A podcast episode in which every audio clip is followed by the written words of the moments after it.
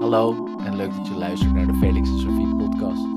Met deze keer de editie van september, de menselijke geest voorbij. Over de mogelijkheid en onmogelijkheid de menselijke geest in kaart te brengen. Je gaat luisteren naar Linde van Schuppen, Mark Slors en Leon de Bruin.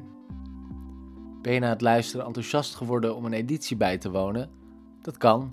Iedere derde dinsdag van de maand is er een nieuwe editie in de theaterzaal van Boekhandel Perdu in Amsterdam. Kijk op felix-n-sophie.nl voor informatie voor de volgende editie. Veel luisterplezier. Felix en Sophie. Felix en Sophie. Felix en Sophie.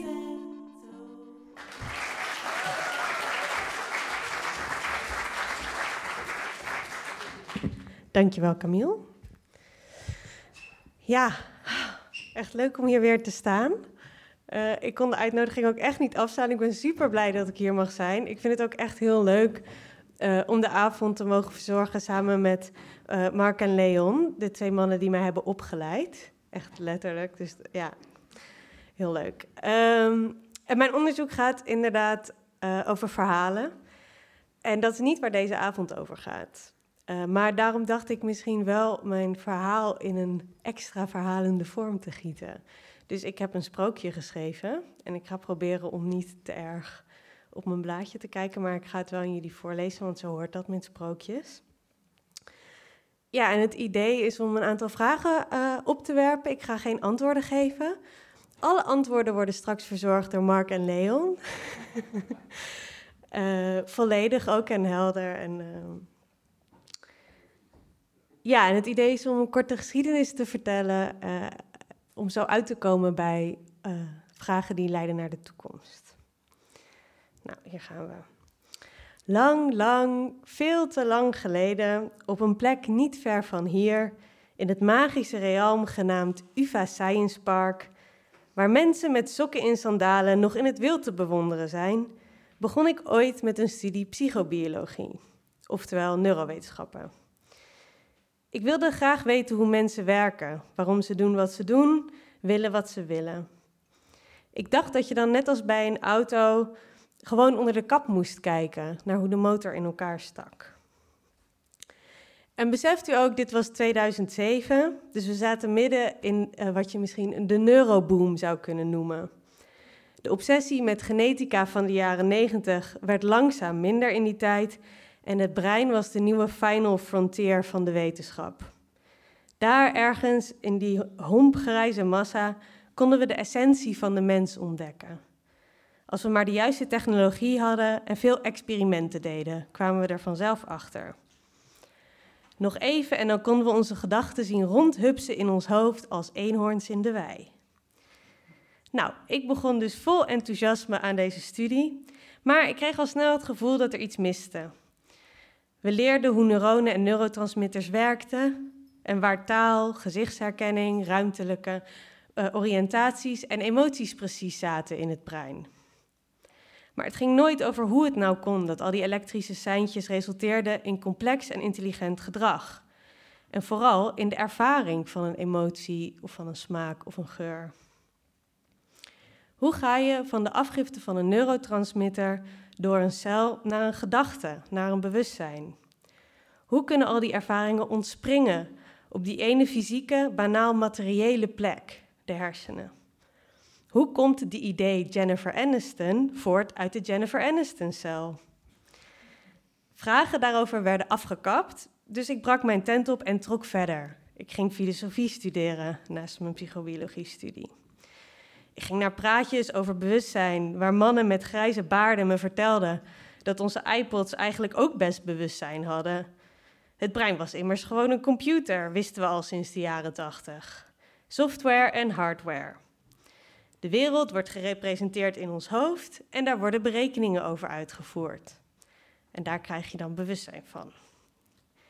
Toch bleef er iets wringen. Want hoe kan een computer willen, een iPod voelen? Kunnen we wel snappen waarom een auto soms links en soms rechts afgaat, soms stopt of versnelt, als we alleen kijken naar wat er onder de motorkap te zien is? Ik snapte er geen reet van en werd steeds wanhopiger. Ik keerde me in mezelf en begon zwarte kooltruien te dragen. Belandde van pure ellende in gesprekken over Sartre's interpretatie van Heidegger, terwijl ik rode wijn dronk en gouloises rookte in obscure Amsterdamse kroegen. Dit ging een tijdje zo door, tot ik op een ochtend wakker werd, alweer met een fikse kater, mijn tent openritste en daar opeens een vreemd wezentje zag zitten op een steen. De grijze haren glinsterden in de zon, terwijl het op een krasantje kauwde. Het grinnikte mysterieus en zei, gek genoeg met een stem die erg op die van mijn moeder leek: hey Lin, ik heb hier online misschien een interessante master voor je gevonden. Het is wel helemaal in Nijmegen. Ik besloot het erop te wagen en solliciteerde voor de onderzoeksmaster Philosophy of Mind bij Mark. Een paar weken later zag ik de Radboud Universiteit voor me opdoemen in de mist. Uit de mist. Eenmaal binnen leerde ik er wonderlijke figuren kennen die me welkom heten, hoewel ik eigenlijk een paar tienden te weinig op mijn gemiddelde had. Zij waren bezig met dezelfde vragen als ik en lieten me een wereld zien waar ik tot dan toe alleen van had kunnen dromen. Alle antwoorden op mijn vragen kwamen voorbij. En die zal ik u niet verklappen, uh, want uh, de hoop is dat de twee tovenaars hier uh, daar u straks in kunnen inwijden. Maar ik, ik, ik was daar wel op mijn plek en op den duur kwam ik ook andere exotische wezens tegen op de Radboud die zich bezighielden met cognitie van de mens. Gedragswetenschappers en experimentele psychologen die bezig waren met experimenten om erachter te komen hoe mensen werkten. Naar de wereld toe. Niet alleen denken in de leunstoel, maar meten in het lab. Weg met die kooltrui. Deze mensen maten bijvoorbeeld hoe mensen werken door proefpersonen taakjes te laten doen in het lab en dan te kijken hoe ze reageerden. En experimenteren is isoleren. Je houdt alles constant, behalve één ding. Daar wiebel je dan aan en dan kijk je wat er nog meer wiebelt. Je kan natuurlijk niet alles wat meewiebelt meten, maar je doet een poging. En deze mensen maten zo fenomenen als creativiteit, empathie, beslissen, samenwerking enzovoort. Ze probeerden wetten te maken die konden voorspellen hoe wij handelen. En dat ging niet altijd goed. Ze waren constant in gevecht met een of ander monster dat replicatiecrisis heette en alles overhoop haalde en al die wetten de hele tijd vernietigde. Maar ze waren wel heel erg productief. Ook buiten de universiteit leerde ik door. Op een dag raakte ik betrokken bij een prachtig project over de ervaringen van kinderen tijdens absence-epilepsie-aanvallen. Vroeger dachten de wetenschappers dat de kinderen niks ervaarden tijdens die aanvallen. Maar sommige kinderen beschreven nu heldere en terugkerende ervaringen, hallucinaties van liedjes, beelden, tactiele ervaringen en alles ertussenin. Nu probeerden ze die ervaringen te verbeelden en bovendien te bepalen hoe echt deze ervaringen waren. Een van de kinderen voelde bijvoorbeeld telkens een wolf achter haar staan, in haar nek hijgen, iedere keer weer. Voor het project ging ze de breinscanner in. Achteraf gaf ze aan teleurgesteld te zijn dat we de wolf niet konden vinden op de scan. Zo dwaalde ik rond op de universiteit in de wereld van de cognitiewetenschap en filosofie op zoek naar antwoorden op al mijn vragen. Wat ik leerde was dat waar de wetenschap zich mee bezighoudt, het isoleren, lokaliseren, tellen en reduceren is en daarmee onvermijdelijk ook de werkelijkheid versimpelt. Waar zit de regelmaat, de wet? Hoe kunnen we die vangen? Liefst in een doosje zo klein mogelijk, zodat we het overal mee naartoe kunnen nemen. One ring to rule them all, if you will.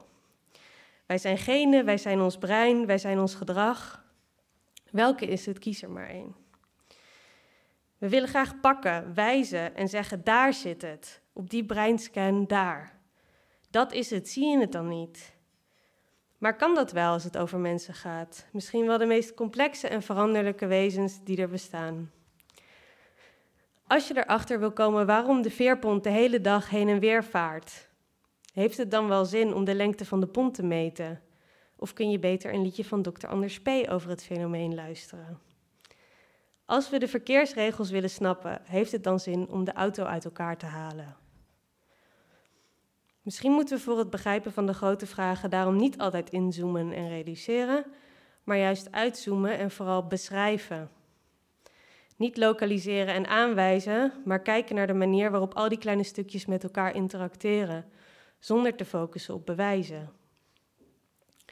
Misschien moeten we in de wetenschap iets minder zoeken naar gemiddelde, iets minder simpele wetten proberen te destilleren en iets meer naar individuen kijken om zo van casussen te leren. Dat is per slot van rekening hoe de exacte wetenschappen ook zijn begonnen. De biologie beschreef de wereld via Darwin, voordat ze aan wetmatigheden en, met wetmatigheden en experimenten begon. Idem voor de natuur en sterrenkunde. Is dit een wetenschappelijke fase die de mens en neurowetenschappen serieus genoeg hebben genomen, die van het beschrijven? Of dachten we soms dat we al wisten wat de mens was? En als we haar beschrijven, past de menselijke geest dan eigenlijk wel in een hersenpan? Wat is het verschil tussen iets onthouden door het op te schrijven of door het uit ons hoofd te leren? Is onze mind, onze geest wel een ding of toch eerder een actie? Een proces, een patroon misschien? Bestaat ze alleen bij de gratie van de interactie tussen ons lichaam, ons brein, onze omgeving, de mensen om ons heen misschien zelfs? Ondertussen is de opleiding psychobiologie van de UvA flink veranderd. Dit jaar zal ik voor het eerst degene zijn die het vak neurofilosofie gaat geven aan de eerstejaars. Zoveel mogelijkheden. Ik zal ze in de geest van deze avond vertellen en vragen. In de jaren 80 was de mens een computer, in de jaren 90 waren we onze genen, in de jaren 0 werden we ons brein. Wat zullen we straks zijn? Wat zullen we straks zijn? Dank jullie wel.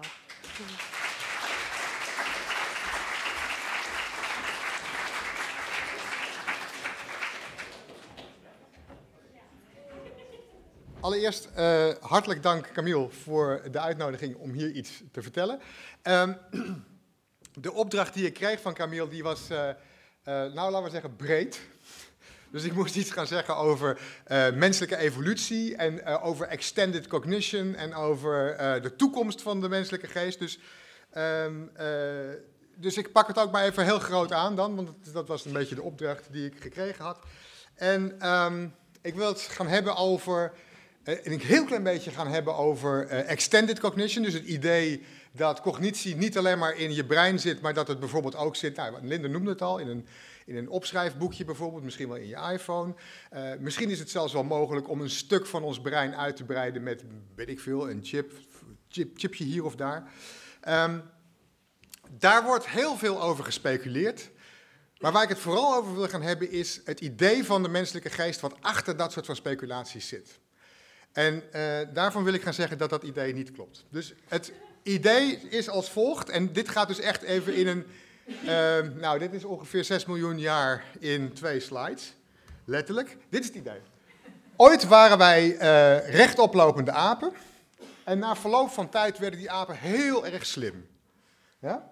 En die werden zo slim dat ze gingen samenwerken en door die samenwerking um, ontstond cultuur. Dus we, gingen samen, gaan samenwerken, gaan samen met elkaar dingen doen, uh, arbeid verdelen, we worden steeds slimmer en we maken elkaar misschien ook een beetje slimmer. En uh, dan heb je cultuur. Dus dit is het, het, het soort standaardbeeld van menselijke evolutie. Hè? Dus, dus het begint bij een individu. Individuen worden allemaal heel erg slim. En tegen de tijd dat die individuen zo slim zijn dat ze kunnen gaan samenwerken, dan komt cultuur van de grond. Maar die slimheid die moet er zijn voordat er cultuur is. Het verhaal gaat verder, dus nu, nu dit was ongeveer 6 miljoen jaar, nou, ietsjes minder. Um, en dit is het laatste stukje daarvan. We hebben dus cultuur, dat, dit, dit heb ik even zo, uh, dit moet u zo lezen, dit is cultuur. Um, en uit die cultuur komt een heleboel technologie voort. En die, die, uh, die maken wij met, met, met z'n allen. En uiteindelijk kan die technologie zo ontzettend verfijnd zijn, dat we met die technologie ons brein misschien wel kunnen uitbreiden of in ieder geval kunnen verbeteren. Um, ik weet niet of Leon iets gaat vertellen over geest uploaden of uh, dat soort. Uh... Ja, oké. Nou, maar goed, dit, dit zijn, de, dit zijn de, de, de, de, ideeën waar het op, gaat. BCI staat voor Brain Computer Interfaces. Die bestaan. Dus er zijn, uh, er zijn, je kunt met, met elektrodes op je hoofd kun je bijvoorbeeld een muis van een, of de cursor van een computer besturen of een robotarm of dat soort dingen. Die worden steeds verfijnder. Uh, AI, oh, daar moet staan implantaten. Dat is al trickier. Maar wie weet krijgen we op een gegeven moment, worden we zo, komt het zover dat je ergens een chipje kunt zetten en dat het dan iets beter werkt in je brein. Het uploaden van de geest laat ik aan Leon. Ehm, ik, kan wel, ik kan wel van tevoren al eh, meteen eh, zeggen van ik geloof daar echt absoluut helemaal niet in. Ehm, maar daar ga ik het even niet over hebben, want ik denk namelijk dat überhaupt het hele idee van eh, de geest, van de menselijke geest, zoals dat achter dit plaatje zit. En dus nogmaals eventjes, het, kijk, dit is het, het, het hele traject. Aap wordt slim, gaat samenwerken, maakt techniek en die techniek die maakt de aap nog slimmer. Dat is het, het, het, het hele plaatje. Wat is nou het probleem met dit verhaal? En dat wil ik u in eerste instantie illustreren aan de hand van een filmpje. En ik hoop dat. Een, een stukje van een filmpje hoor, dus een paar minuten. Ehm, ik, ik, denk vast dat een aantal mensen deze al kennen.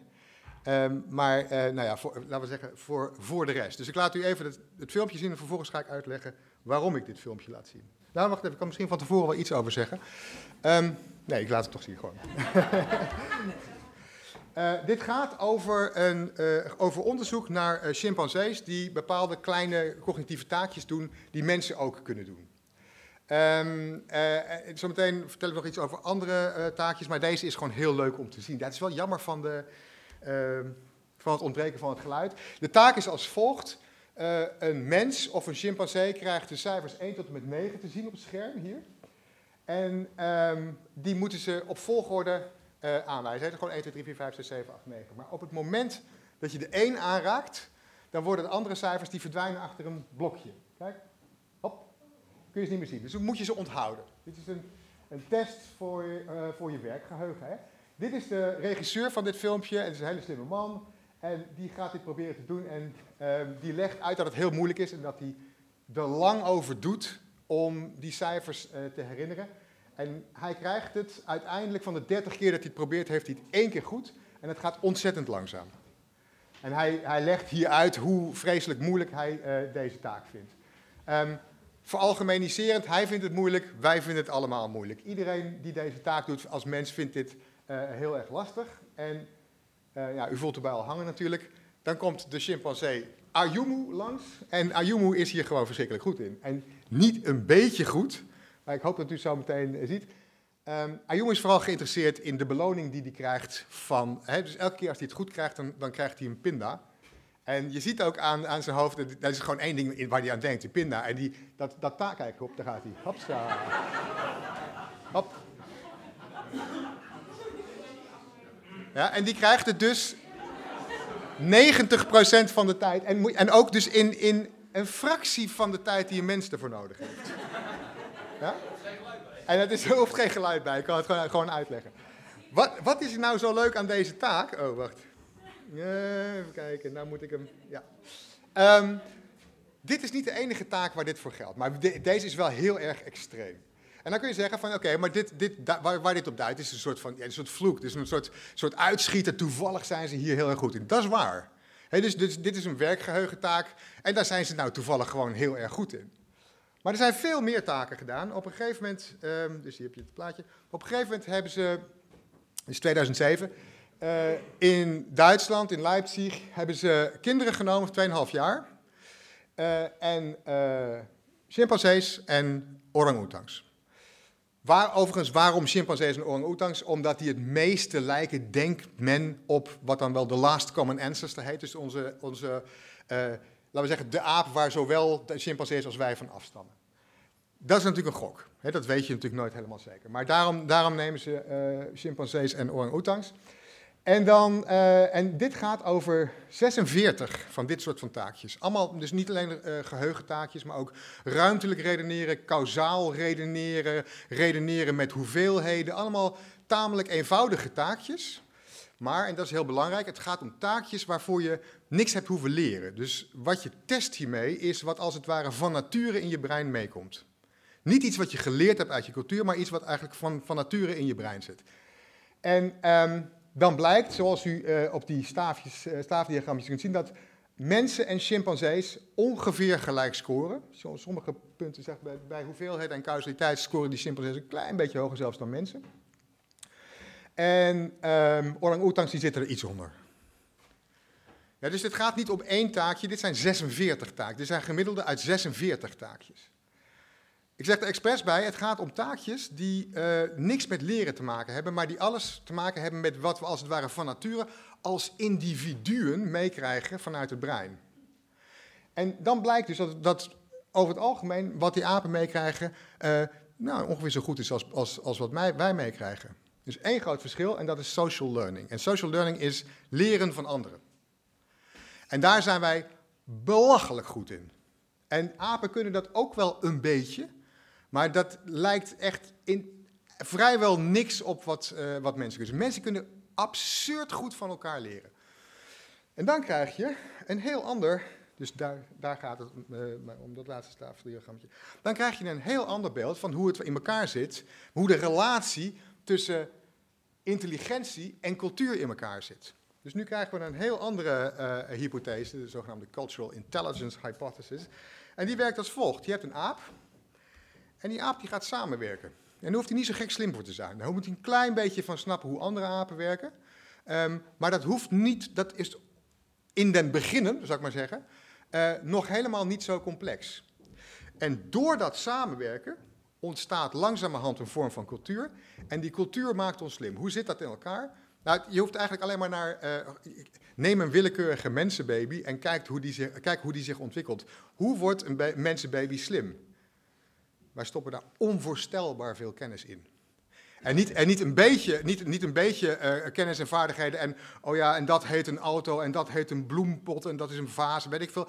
Het gaat niet alleen maar om dat soort van dingen, maar we leren taal, we rekenen, symbolen, um, uh, sociale omgangsvormen. Um, eigenlijk alles, alles, alles wat we aan, aan onze kinderen leren, dat is eigenlijk wat wij nu onze intelligentie of onze mind noemen. Dus met andere woorden, onze intelligentie is weliswaar gedragen door ons brein, maar we krijgen het van anderen. En die intelligentie, die is dus al die, die ik zal even dit plaatje erbij halen. Oh, het wordt heel slim. Um, het idee hier is dus dat een, dat een, een individu, een menselijk individu, dit is dan ja, een aapmenselijk individu, een beetje op een iPhone lijkt. En dat net, net zoals je uh, bij een iPhone uit de cloud als het ware apps downloadt, dat doen wij ook. Dus wat als wij baby's aan het opvoeden zijn, dan zijn die baby's apps aan het downloaden vanuit onze cultuur. En die apps die hebben een hele lange ontwikkelingsweg gegaan. Dus, dus hoe lang heeft het geduurd voordat wij de taal hebben die wij hebben? Voordat wij kunnen rekenen zoals wij kunnen rekenen. Zo, zoals voordat wij een fijnmazige verdeling van arbeid hebben. Voordat we omgangsvormen hebben die zodanig zijn dat we elkaar in een flits van een seconde kunnen begrijpen. Dat heeft heel lang geduurd. En dat komt omdat wij iets kunnen wat apen niet kunnen. Dat is namelijk niet alleen leren, dat, dat, is leren van elkaar en die kennis behouden. Dus een apen, apen kunnen ook heel goed leren. Hè. Die kunnen heel goed uitvinden hoe je met een stokje bijvoorbeeld uh, termieten uit een hoopje kunt halen. Maar de volgende aap, die opnieuw geboren wordt, die moet helemaal from scratch beginnen. Die begint bij nul. Die, die leert het niet van iemand anders. Wij hebben al geleerd dat het een stokje is en denken van, nou, we kunnen dat stokje verbeteren. En dat effect, dat, dat, dus dat je kennis overneemt van ene generatie naar een, naar volgende en vervolgens daar een stapje uh, bovenop kunt gooien, dat heet het ratchet effect. Een ratchet dat is een soort van, soort van weerhaakje, zou ik maar zeggen. Um, waardoor heel langzaam in de loop van, uh, van onze evolutie een tweede soort evolutie ontstaat. En dat is namelijk culturele evolutie. Dus naast genetische evolutie krijgen we ook culturele evolutie. En dan ontstaat er op een gegeven moment iets heel um, complex. Dan krijg je een vermenging van genetische evolutie en culturele evolutie. Dus uh, culturele evolutie maakt groepen opeens heel erg uh, goed. Um, ja, ja, een, een, een, een, groep waarin culturele evolutie het goed doet, waarin de ideeën als het ware uh, zich snel ontwikkelen en waar goede ideeën behouden blijven en slechte ideeën verdwijnen, die doet het beter dan, dan een cultuur waarbij dat niet zo is, een groep waarbij dat niet zo is. En dan krijg je vervolgens genetische selectie op het soort van sociaal leren wat wij in zo'n cultuur doen. Dus die individuen die goed zijn om van elkaar te leren, die krijgen de meeste nakomelingen. Dus je krijgt een genetisch effect van uh, culturele evolutie. Vervolgens gaat door dat genetische effect gaat die culturele evolutie weer harder lopen. Omdat nou heb je opeens individuen die heel goed van elkaar kunnen leren, die goed samen als het ware hun cognitie kunnen uh, vormgeven. Je voelt erbij al hangen, het wordt een soort collectieve cognitie. Dus die minds van ons, die bestaan weliswaar in ons brein, maar eigenlijk is het grootste gedeelte van de mind, dat, dat is zeg maar de, de cloud die voor ons de cloud is, dat is onze cultuur. Dus um, ergens zei Linde op een gegeven moment iets en dacht ik, oh ja, dat is ongeveer wat ik wil zeggen, maar ik weet niet meer precies wat, welke vergelijking je gebruikte, maar dat was die cultuur. Ik, ik denk dat het... Helemaal. Van A tot Z. Nee, dat, dat gaan we zo meteen doen. Ehm, ja, deze, want ik moet een beetje op de tijd letten, denk ik. Ehm, dus deze laat ik, want eh, ik kijk even naar Camille. Heb ik nog heel iets? Oh, gaan nog. Oké. Nou ja, dit, deze, deze is gewoon leuk om erbij te noemen. Het is een heel leuk boek. ehm, wat uitlegt. ehm, ja, ja, kijk, wat individuen in die cultuur. Hoe dat werkt met individuen in die cultuur. Ehm, als je even de mensen uit het dierenrijk verwijdert. en je kijkt naar de rest van het dierenrijk. dan is het bij de meeste dieren zo dat hun hersenen. ja, eigenlijk bij geboorte af zijn. Die zijn gewoon klaar. Die doen niks. Eh, er zijn sommige dieren bij- waarbij die hersenen zich wel doorontwikkelen. Ehm, de, het langste, afgezien van de mens, het langste eh, bij één diersoort is het een half jaar. En dat is echt krankzinnig lang voor het dierenrijk. Maar bij mensen is het 20 jaar. Dus als wij geboren worden, dan zijn er onze hersenen verre van af. Die, die, die moeten ze echt, de ontwikkeling daarvan moet nog helemaal beginnen. En die ontwikkeling van onze hersens gebeurt natuurlijk in een culturele context. Er worden al die apps die worden daar in, eh, gedownload. En ehm, je moet daar echt, echt aan, de, aan de meest eenvoudige dingen denken. Dus eh, eenvoudige dingen als, als omgangsvormen eh, met elkaar. Maar ook bijvoorbeeld, ja, dus taal is echt een heel, eh, heel belangrijk ding. Wij leren onvoorstelbaar veel. Dus, dus in de eerste twintig jaar van ons leven wordt, wordt ons brein gewoon direct aangepast aan onze culturele omgeving. Wat ik niet genoemd heb, wat ik nog misschien wel even zou willen noemen, is dat van alle dieren zijn wij als meeste, zeg maar, ik maar zeggen, ehm, niche builders. Een niche is gewoon je omgeving maken. En er zijn heel veel dieren die hun omgeving zodanig manipuleren dat ze cognitief goed functioneren. En wij doen dat in extreme mate. Alles om ons heen bestaat uit artefacten eh, die eigenlijk bedoeld zijn om ons cognitief optimaal te laten functioneren. Alles om ons heen. Echt, al, bedoel, hier is alles is, is gewoon kunstmatig, eh, is, is door mensen gemaakt. Wij maken onze omgeving en wij maken onze omgeving om zo goed mogelijk te functioneren. Ook dat is cultuur, ook dat is een vorm van downloaden. En ons brein past zich daar in de eerste twintig jaar eh, eigenlijk als een soort van eh, hand- en handschoen op aan.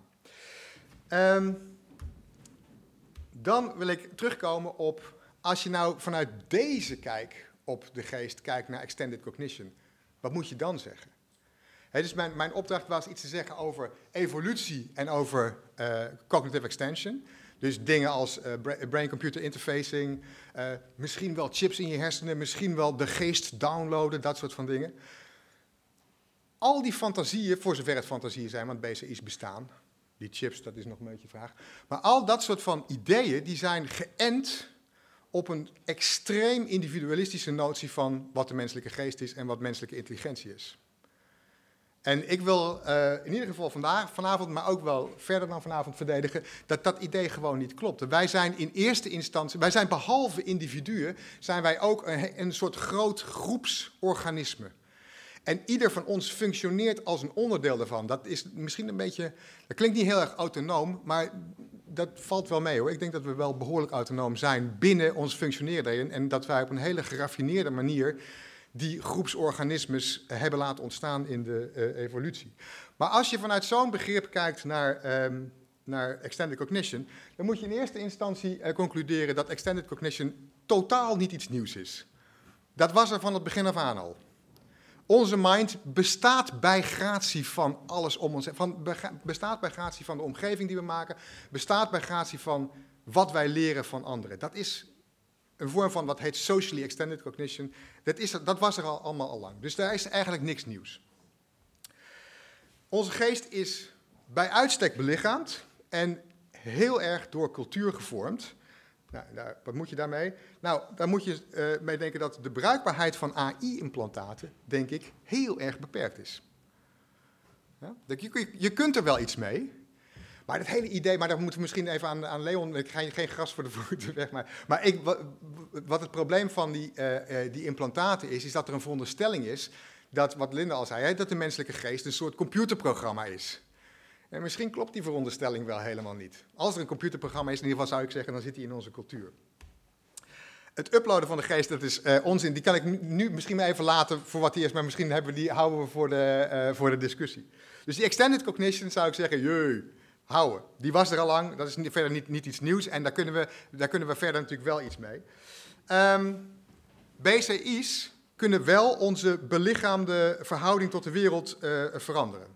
En dat is ook wat er op dit moment gebeurt. Dus er op dit moment wordt er bijvoorbeeld onderzoek gedaan naar eh, mensen die, die niet goed kunnen lopen of die niet goed hun, lichaams, eh, hun, eh, hun ledematen kunnen bewegen. En die krijgen een zogenaamd exoskeleton. Dat is een soort, ja, een soort, constructie om je heen waar, je, waar bijvoorbeeld je hand of je been in zit. En die leer je aan te sturen vanuit je, vanuit je brein. Dat werkt. Werkt nog een beetje klunky nu, maar dat, dat gaat allemaal op de, in de loop van de tijd nog beter worden. Dit is denk ik de belangrijkste.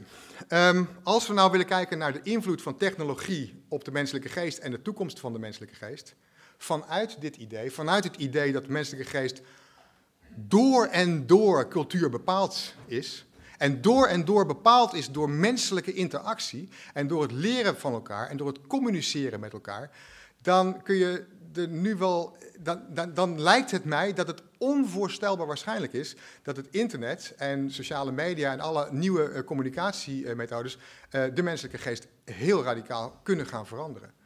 En eh, ik denk dat je dat nu eigenlijk al een beetje aan het, eh, aan, aan het zien bent, aan het veranderen van cognitieve vermogens van, eh, van, van, van de huidige jonge generatie. Die heeft echt andere cognitieve vermogens dan, nou ja, ik, dus bijvoorbeeld. Ik, ben, ik, zou zeggen, ik, zit, er een paar generaties tussen. Ehm, en dat is echt fundamenteel anders. En dat komt echt onder andere door die, door die techniek. Dus als techniek iets met onze geest doet, dan juist de techniek die tussen mensen zit en niet de techniek die in mensen gaat. Want dat is een beetje de, het fantasiebeeld waar, eh, nou ja, waar we vaak, eh, denk ik, door misleid worden. Ehm, dit was mijn haast evangelische boodschap. Ik voel me alsof ik een soort van, soort van u van probeer te overtuigen, maar dat is ook een beetje zo. Dus eh, daar wil ik wel voor staan. Ja. Dank wel.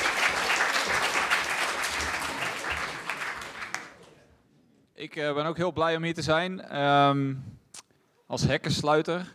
Maar ik moet zeggen, ook als een, eh, een soort van, zo voelt het in ieder geval, een soort van live demonstratie van extended cognition. Want toen Mark net zijn praatje aan het houden was, dacht ik, nou, het is, het is gewoon bizar. Alsof we van tevoren uitgebreid hebben gecommuniceerd, elke slide hebben vergeleken met eh, die van de ander. En op een gegeven moment kon ik ook gewoon voorspellen wat hij ging zeggen. Ehm, ja, dat is, dat is eigenlijk voor mij de mooiste ervaring van extended cognition.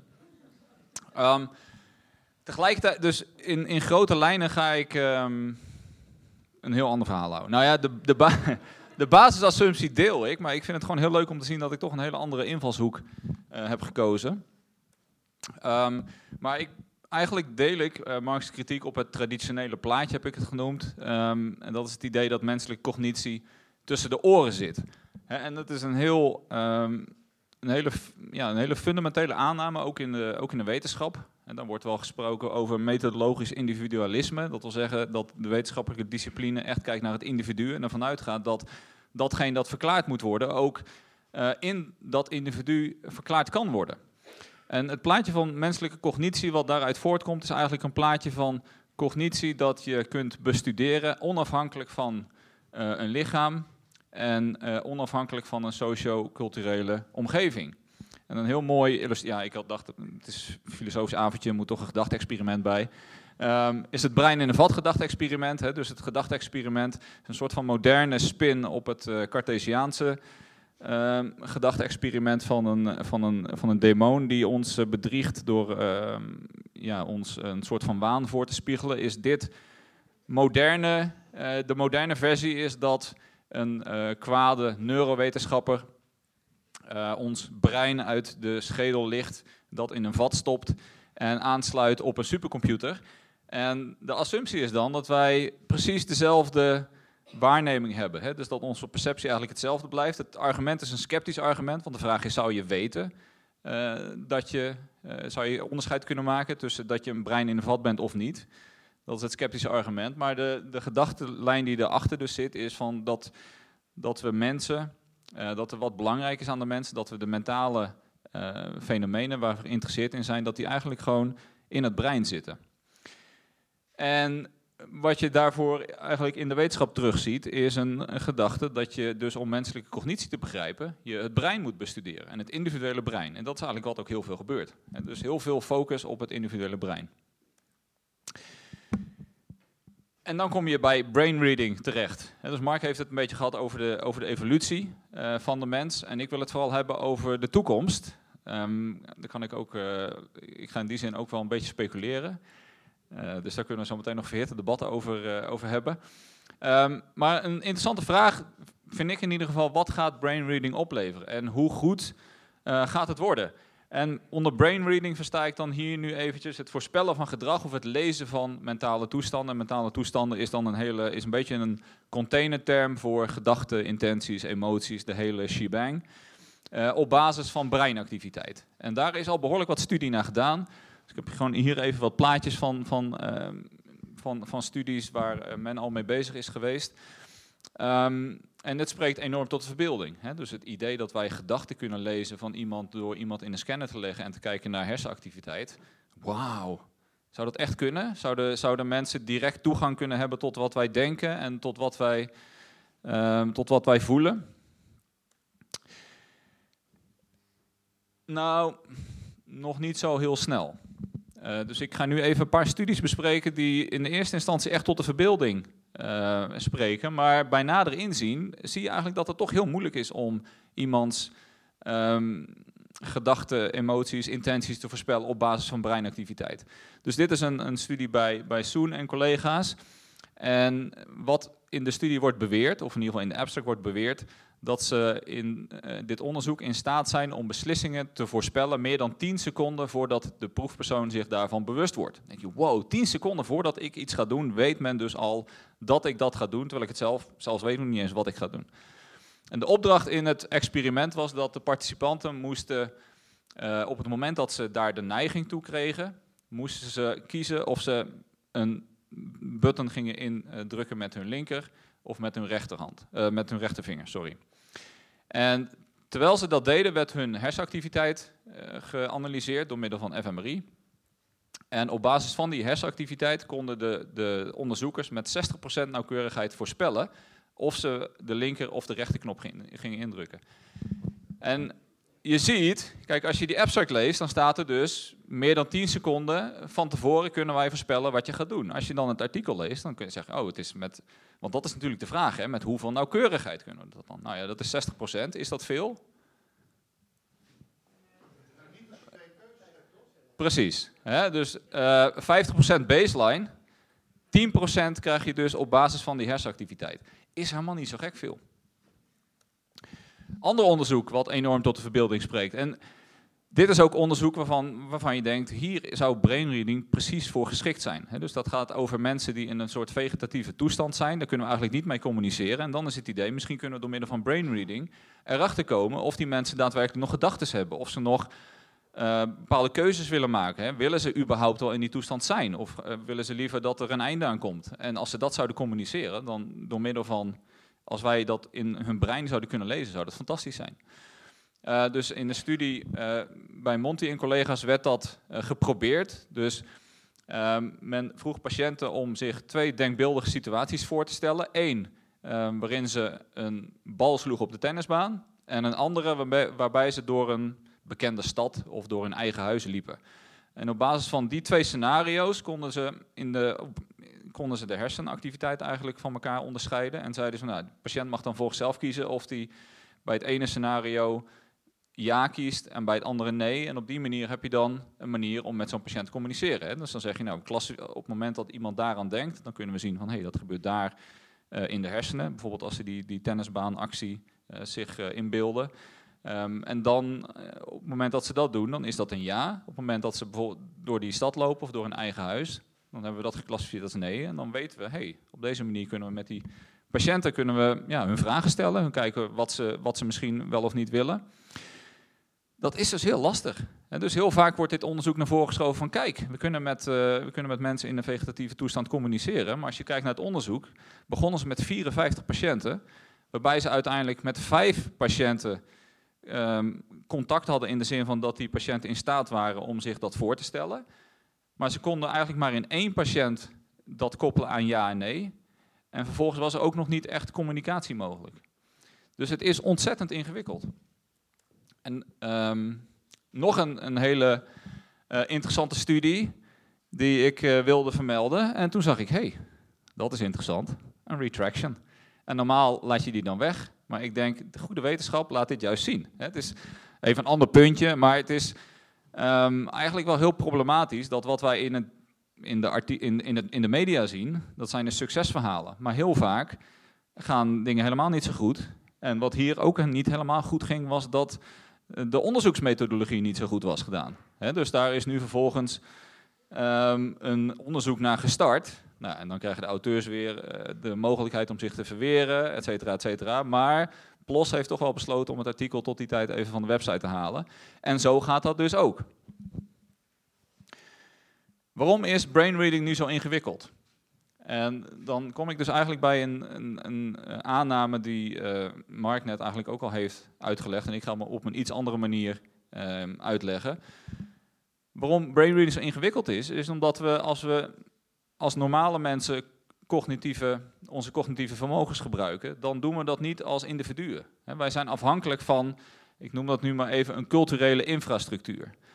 En ik, een heel mooi voorbeeld, ehm, ook een heel simpel voorbeeld, en iedereen, eh, en ieder van ons beweegt zich ook in het verkeer, is, de, eh, is, is dus de verkeersdeelname. Dus denk bijvoorbeeld eh, aan een ritje in de auto, waarbij je richtingaanwijzers hebt, remlichten, nummerborden. Die auto is helemaal ingericht om jouw deelname aan dat verkeer te optimaliseren. De omgeving, wegen, stoplichten, waarschuwingsborden, alles is ingericht op een zodanige wijze dat het onze interacties optimaliseert. Nou, is het foolproof? Is het idiot-proof? Nee. Maar het komt een heel eind in de buurt. Vooral als je bedenkt dat wij elke dag aan het verkeer deelnemen. Nou, deze situaties zijn toch uitzonderingen. En dit gebeurt ook niet zo vaak. En dat komt omdat wij zo op elkaar zijn afgestemd en de hele omgeving zodanig hebben ingericht dat dit werkt. En het interessante vind ik, ehm, als je dus deelneemt aan het verkeer, kun je eigenlijk met een hele hoge mate van uh, nauwkeurigheid voorspellen wat iemand in dat verkeer gaat doen. En die mate van nauwkeurigheid van die voorspelling is vele malen hoger dan wat we tot nu toe uit die brainreading studies uh, krijgen. En hoe komt dat? Dat komt omdat we onze omgevingen zo uh, hebben ingericht. Um, niche construction. Dus Mark die ging er ook al even op in. Ontworpen omgevingen. En dit is eigenlijk de manier waarop wij de complexe interacties die we hebben en de complexe vermogens uh, die wij gebruiken, um, dit is de manier waarop we dat kunnen doen. En het probleem met brainreading is dat die hele infrastructuur eigenlijk weg is. We zetten iemand in een scanner en we moeten het doen zonder die infrastructuur. We moeten dat helemaal opnieuw gaan opbouwen. En dat is ongelooflijk ingewikkeld. En het interessante vind ik dus aan die studies, is dat je precies ziet hoe goed we dat in, in, in alledaagse interacties voor elkaar hebben. En dat is niet aanwezig in zo'n scanner. Wat natuurlijk dan gaat gebeuren is dat je dat gaat trainen. Maar ook dat is ontzettend intensief. Dus in elke van die studies die ik heb genoemd, zie je dat er een enorme hoeveelheid trials van tevoren wordt gedaan. En zelfs met die trials is, het, is de accuracy, is de accuraatheid van de voorspelling dus nog vrij gering. Dit vind ik trouwens een van de beste uh, niches. Hè? Dus ontzettend veel zorg wordt hier ingestoken. En um, nou ja, dus het gaat om onze nakomelingen en die willen we ook op de beste manier um, uh, verzorgen. Hè? Uh, ik zat nog even te denken, je zei van zo, er wordt ook geselecteerd door cultuur op uh, onze nakomelingen en dus de, de meest intelligente krijgen de meeste nakomelingen. Volgens mij is niet, volgens mij willen we allemaal niet zoveel nakomelingen meer. Maximaal twee bij de daycare. Ja. Hij kunt het over hebben. Dit, dit, is voor mij de makkelijkste positie om kritiek te hebben, dat snappen jullie. Hè? Want nu heb ik de microfoon, dus dan meteen wordt het een stuk ingewikkelder. uh, François Chollet, dat is een, um, een software designer. Die heeft een aantal hele interessante artikelen geschreven over, uh, over intelligentie. En hij heeft ergens in die artikelen heeft hij een gedachte-experiment. Hij zegt, wat nou als je een mens in een omgeving zou plaatsen zonder menselijke cultuur? Mowgli van de Jungle Book is daar een voorbeeld van. Zou die uiteindelijk slimmer worden dan andere wolven? En, zegt hij, stel dat we Mowgli zouden inruilen voor baby Einstein. Zal die baby Einstein dan uiteindelijk zijn grote theorieën over het universum gaan ontwikkelen? Nee, natuurlijk niet. Je kunt zeggen, van, ja, dat kun je nou wel zeggen, maar is daar empirisch bewijs voor? Nou, er zijn een paar van dit, van, van, van dit soort gevallen. Uh, dat wil zeggen, uh, kinderen die uh, dus zonder cultuur zijn opgegroeid. En die zijn eigenlijk bijna niet in staat om daarna ehm, zelfs met alle zorg die er dan wordt ingestopt om deel te nemen aan, aan menselijk verkeer. Dus ehm, het idee dat we, dat we menselijke intelligentie, dat we cognitie moeten begrijpen als het resultaat van een individueel brein, ehm, dat, is, dat is het traditionele idee en dat is radicaal ehm, verkeerd. Een ontzettend populaire metafoor om de geest dan wel te begrijpen is die van een netwerk. En niet één netwerk. Als je, en, en dit is overigens trouwens, je, kunt, je zou kunnen zeggen, een ontwikkeling die je nu ook wel steeds meer ziet in de, in de neurowetenschap. Eh, alleen in de neurowetenschap zegt men dan, ja, we moeten naar dat brein kijken. En dat brein is dan een netwerk van netwerken. Maar dan kun je zeggen, ja, maar het gaat dus niet om dat individuele brein. Het gaat om dat netwerk van netwerken, maar nog in een veel groter netwerk. Dus wat je eigenlijk krijgt is een gelaagd netwerk wat weer uit allerlei andere netwerken bestaat. Een ehm, interessant voorbeeld daarvan is eh, waar we eh, op dit moment aan de Radboud ook mee bezig zijn, ehm, in de psychiatrie, om mentale stoornissen te begrijpen in termen van meerlagige netwerken. Hè, dus in plaats van te zeggen, we kijken alleen naar het niveau van het brein, en we proberen variabelen daaruit te halen en te kijken of we daarmee kunnen voorspellen wat er misgaat in bepaalde stoornissen. Dat, daar is op dit moment eigenlijk heel weinig bewijsmateriaal voor dat we dat kunnen. Na, na x 30 jaar, 40 jaar onderzoek is daar gewoon heel weinig echt uitgekomen. Zeg men, misschien is dit een, een goed alternatief. Dus we moeten in plaats van op reductie te gaan zitten, moeten we kijken, moeten we recht doen aan complexiteit. En laten we gewoon proberen al die verschillende factoren in een uh, meerlagig netwerk te vatten. En dat zijn dan niet alleen neurobiologische factoren, maar ook psychologische, fysiologische, omgevingsfactoren, existentiële factoren uh, en misschien allerlei andere factoren relaterend aan het zelf. De vraag is natuurlijk, kan dat? Dus kunnen we, is het methodologisch mogelijk om zo'n netwerk te bouwen? Dat is, dat is ontzettend ingewikkeld. En dat is precies een van de dingen waar we op dit moment naar aan het kijken zijn. Tenminste, dat doet mijn PhD. Uh, er zit dus een recent artikel wat we daarover hebben gepubliceerd. En dat gaat eigenlijk ook vooral in op alle theoretische problemen die dan uh, om de hoek komen kijken. Ja, en dan zegt u, ja, maar ik ben nu een individu en dan ben ik misschien niet mijn brein, maar ik ben toch wel ongeveer waar ik sta. Dat ben ik, hè, als persoon. En als jij zegt van, ja, maar dat is allemaal veel te individualistisch. Het is gewoon een netwerk in een grote netwerk, in een grote netwerk, in een grote netwerk, gewoon allemaal netwerken. Waar blijven wij dan? Is er nog een centrum? Dit plaatje suggereert dat ik het centrum ben van een netwerk. En dat vindt iedereen natuurlijk leuk om te denken, dat snap ik ook. Maar um, ja, is dat wel zo? Heeft een netwerk een centrum?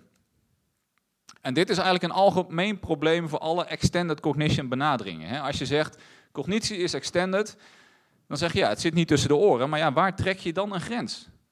Misschien het hele universum zou in principe dan onderdeel van jouw cognitie kunnen zijn. Um, de vraag is dan ook, van, is er eigenlijk wel een punt waar alles centraal wordt aangestuurd? En dus wij maken ons dan zorgen daarover, van waar zit dat centrum dan? Maar je kunt je ook afvragen, van, is dat hele idee dat er een centrum is? Hmm. Dus dat is denk ik een prangende vraag. Ik, ik zal er zo nog wat meer over zeggen. Maar wat ook interessant is, is dat, dat je ziet dat we eigenlijk steeds pogingen doen om zo'n centrum te vormen. Hè. Dus dan zeggen we ja, het centrum dat is de bewuste ervaring die ik heb. Da daar komt eigenlijk alles samen. Of het centrum is mijn brein, daar wordt eigenlijk alles uh, geïntegreerd. Of het is in mijn lichaam, want ik loop hier en mijn ik gaat gewoon met mij mee. Uh, het zit in een handeling, het zit in personen, het zit in instituten. Dat zijn allemaal pogingen om de boel bij elkaar te houden. En nu ga ik allemaal dingen zeggen waar, waar jullie het vast niet mee eens zijn, dus we kunnen het over hebben. Um, op de, ik zat ook even te kijken, weet je, je bent dan heel enthousiast een presentatie aan het voorbereiden. En op een gegeven moment denk je, waar moet ik het eigenlijk over hebben? Dus ik was niet zoals Mark heel netjes met mijn opdracht begonnen. Ik dacht, ik wil dit vertellen en dat vertellen. En toen dacht ik, hmm, wat was mijn opdracht? Uh, dus toen keek ik even op de website en toen dacht ik, ah, dit is, dit is een interessant punt. Dat ging over zelfsturing. Hier, um, ik citeer even. Tegelijkertijd zijn we ons maar al te bewust van de invloed die deze technologie op ons mentale functioneren heeft. Onze aandachtspannen neemt af. Valse informatie krijgt evenveel ruimte als gedegen wetenschap. En de prestatiedruk neemt al maar toe. Kortom, er is een tweedeling tussen het optimaliseren van de fysiologische processen in het brein en onze ervaring van zelfsturing in ons denken. En het gaat me even om die ervaring van zelfsturing. Ik zie dat eigenlijk ook als een poging tot centralisatie. Een poging om te zeggen, want daar zit de kern. En als we ehm, het is heel gevaarlijk als we ineens extended mind krijgen. Want waar, waar zit dat dan? Hè? Waar gaat, die, waar gaat die, die ervaring van zelfsturing dan heen? Maar ik denk op dat punt is het belangrijk om, om te benadrukken dat die ervaring van zelfsturing ook, sturing ook een constructie is. Ik zeg niet dat het een illusie is. Hè. We hebben daadwerkelijk die ervaring. En ik denk dat, eh, net zoals wat wij denken, absoluut wel afhankelijk is van ons brein. Als je het brein weghaalt, dan gebeurt er niet zoveel. Maar het is niet zomaar een gegeven. Het is een ervaring die zich ontwikkelt, die manipuleerbaar is en daarmee ook veranderbaar. En daar is ook ontzettend veel onderzoek naar gedaan. Hè. Dus dat de grenzen tussen al die vormen van centralisatie eigenlijk fluïde zijn. Ze zijn vormbaar. En ik heb hier wat experimentjes, misschien kennen jullie er een aantal van. Nou, hè, dus dit is die vrouw die eindelijk een chocoladereep kon eten. Ehm, zonder, met een, met een mechanische arm, die kon ze zelf aansturen. Dus blijkbaar kunnen we met onze hersenen kunnen we dingen aansturen die niet van nature aan ons zitten. Ehm, dit is de I Spy experiment van Daniel Wegner. Ehm, waarin hij laat zien dat onze ervaring van causaliteit ook gemanipuleerd kan worden. Dat wij denken dat we iets veroorzaken, maar dat is helemaal niet zo. Maar we hebben wel die ervaring.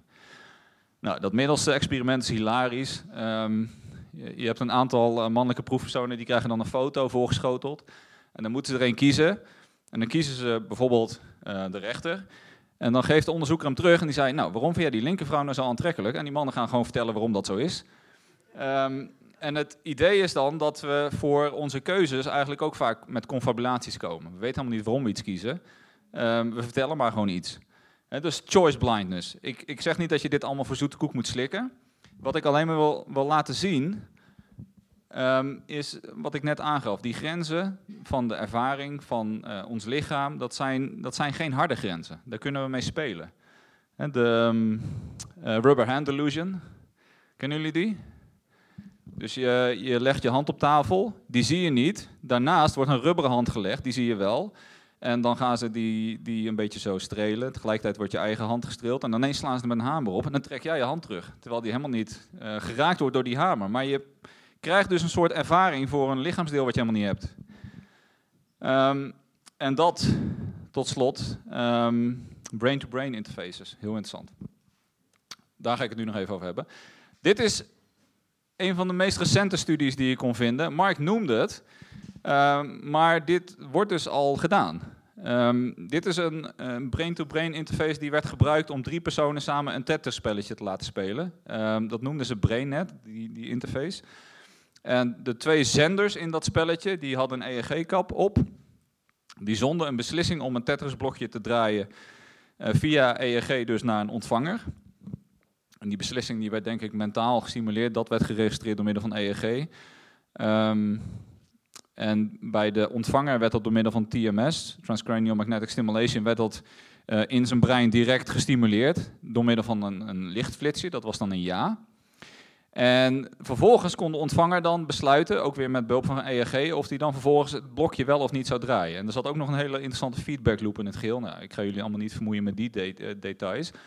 Maar dit is dus een vorm van samenwerking door middel van een directe één op één link tussen die breinen. Kijk, en het punt is nu dat als je dit zo kijkt, dan kun je vragen van ja, waar zit hier nou de, waar zit nu de, de centraal, het centrale beslisorgaan, hè, waar we ons druk over maken? Waar zit nu die zelfsturing? Nou ja, dat is niet één ding. Het is niet iemand die beslist of iemand die niet beslist. Het is eigenlijk een soort gezamenlijk proces. En dit is de architectuur die ze daarbij gebruikten. Kijk, ergens denk ik um, dat de evolutie van de menselijke geest gewoon een verkeerde vraag is. En dat is volgens mij, Mark, hoe jij ook je presentatie eindigde. Dus het, het is geen evolutie van de individuele menselijke geest. Het wordt co-evolutie. En is dat dan eng? Nou ja, dat is misschien eng, maar het is niet zo dat, dat die, die centralisatie uh, gevoelens die we hebben. Bijvoorbeeld als het gaat om, kan ik dan nog wel over mezelf beslissen? Uh, ben ik nog wel autonoom? Heb ik nog wel privacy? En, zo, en al dat soort dingen. Dat is niet een alles of niets verhaal. dus misschien wordt die ervaring van zelfsturing inderdaad wel kleiner. Maar hij hoeft niet ineens weg te zijn. Het hoeft ook niet per se dat hij kleiner wordt. Dus in dit, in dit voorbeeld was de ervaring van zelfsturing bij de ontvanger was redelijk maximaal. Nou ja, hij kreeg input en hij kon alsnog gewoon zelf beslissen wat hij ging doen. Misschien lullig voor de twee zenders als ze dan volgens hun, uh, hun output werd genegeerd. Maar um, het, is, het is een wat genuanceerder scenario dan, uh, dan u misschien vermoedt. Um, anderzijds kun je voorstellen dat je met um, als onderdeel zal maar zeggen, van de co-evolutie, op het moment dat je gelinkt bent aan anderen, juist een groter gevoel, een sterkere ervaring van empathie krijgt. Uh, meer groepsgevoel. Hè? Je bent meer onderdeel van het geheel. Het punt is dat als al deze mentale fenomenen, ik zat even te zoeken naar een goed woord, hè, maar ik bedoel dat die ervaring van zelfsturing, het idee in ieder geval dat, dat alle eigenschappen van het mentale waar we ons zorgen over gaan maken op het moment dat we het idee hebben dat ze worden gekoppeld aan allemaal anderen en dat ze onderdeel worden, van een netwerk. Die fenomenen die zijn veranderbaar en kwantificeerbaar, maar daardoor kunnen we ze ook aanpassen. Het is niet zo dat het een alles of niet verhaal is. Misschien willen we iets meer zelfsturing, iets minder zelfsturing. Dus dat is een, een getrapt verhaal. En we kunnen dat gaan veranderen en dat zal ja, waarschijnlijk gaan um, gepaard gaan met ja, allerlei belangen die heel eng zijn. En um, van verzekeringen, bedrijven, uh, allerlei ethische bezwaren uh, over privacy. Uh, kunnen we dit zomaar doen? mogen we um, iemand die wordt verdacht van iets, mogen die direct proberen te lezen wat er in zijn gedachten zich afspeelt? Um, nou ja, dat is een vraag en die vragen zullen we moeten beantwoorden. Een ander belangrijk punt is natuurlijk, ik zei net, alle mentale fenomenen die, die we kunnen veranderen, die kunnen we dan vervolgens ook kwantificeren en op die manier aanpassen, maar dat is maar net de vraag. Dus is iets als de ervaring inderdaad kwantificeerbaar? Dus een, heel bekend, uh, bekende lijn eigenlijk van onderzoek in de filosofie, dat bewustzijn bijvoorbeeld niet functionaliseerbaar is. En als dat zo is, ja, dan, dan is het heel ingewikkeld om te zeggen van nou ja, je kunt het iets minder of iets meer hebben. Dan gaat daar niet op.